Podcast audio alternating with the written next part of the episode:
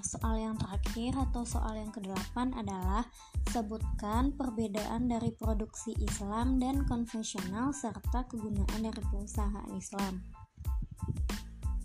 Dalam konsep ekonomi konvensional atau kapitalis, produksi dimaksudkan untuk memperoleh laba sebesar-besarnya. Perbedaan dengan tujuan produksi dalam ekonomi konvensional.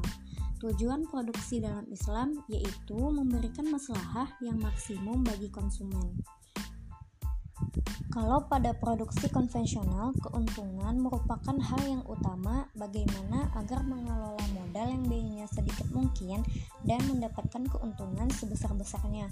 Sedangkan pada ekonomi Islam, motif produksi lebih mengacu pada kemaslahatan umat dan mencari keberkahan.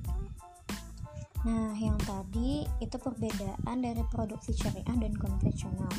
Selanjutnya, kegunaan dari perusahaan Islam itu adalah a place of worship, yaitu sebagai tempat ibadah atau arena jihad. Yang kedua, a place of work, tempat mengelola perusahaan untuk meraih kekayaan atau tempat mewujudkan kesejahteraan, mewujudkan falah dunia dan akhirat. Yang terakhir, a place of warfare, karena perperangan melawan bisnis Maghrib, perang melawan kemiskinan. Mungkin segitu dulu pada season 2 ini. Semoga bermanfaat dan sampai jumpa pada episode selanjutnya.